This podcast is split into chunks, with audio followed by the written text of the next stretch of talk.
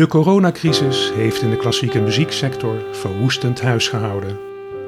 Concertzalen sloten de deuren, operahuizen vielen stil, muzici zaten werkloos thuis.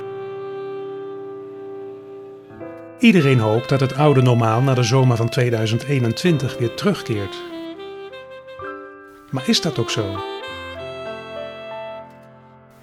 Welkom bij de podcast Klassiek na corona. Hierin onderzoek ik, muziekjournalist Guido van Oorschot, hoe de Nederlandse klassieke podiumkunst na de pandemie denkt op te veren. Wanneer zitten de zalen weer vol? Komt er artistieke vernieuwing? Gloort er een mooie toekomst? Of zien we een blijvend litteken?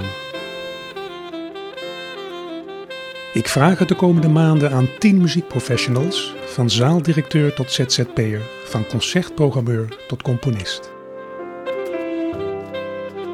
Hoe kijken zij aan tegen klassiek na corona?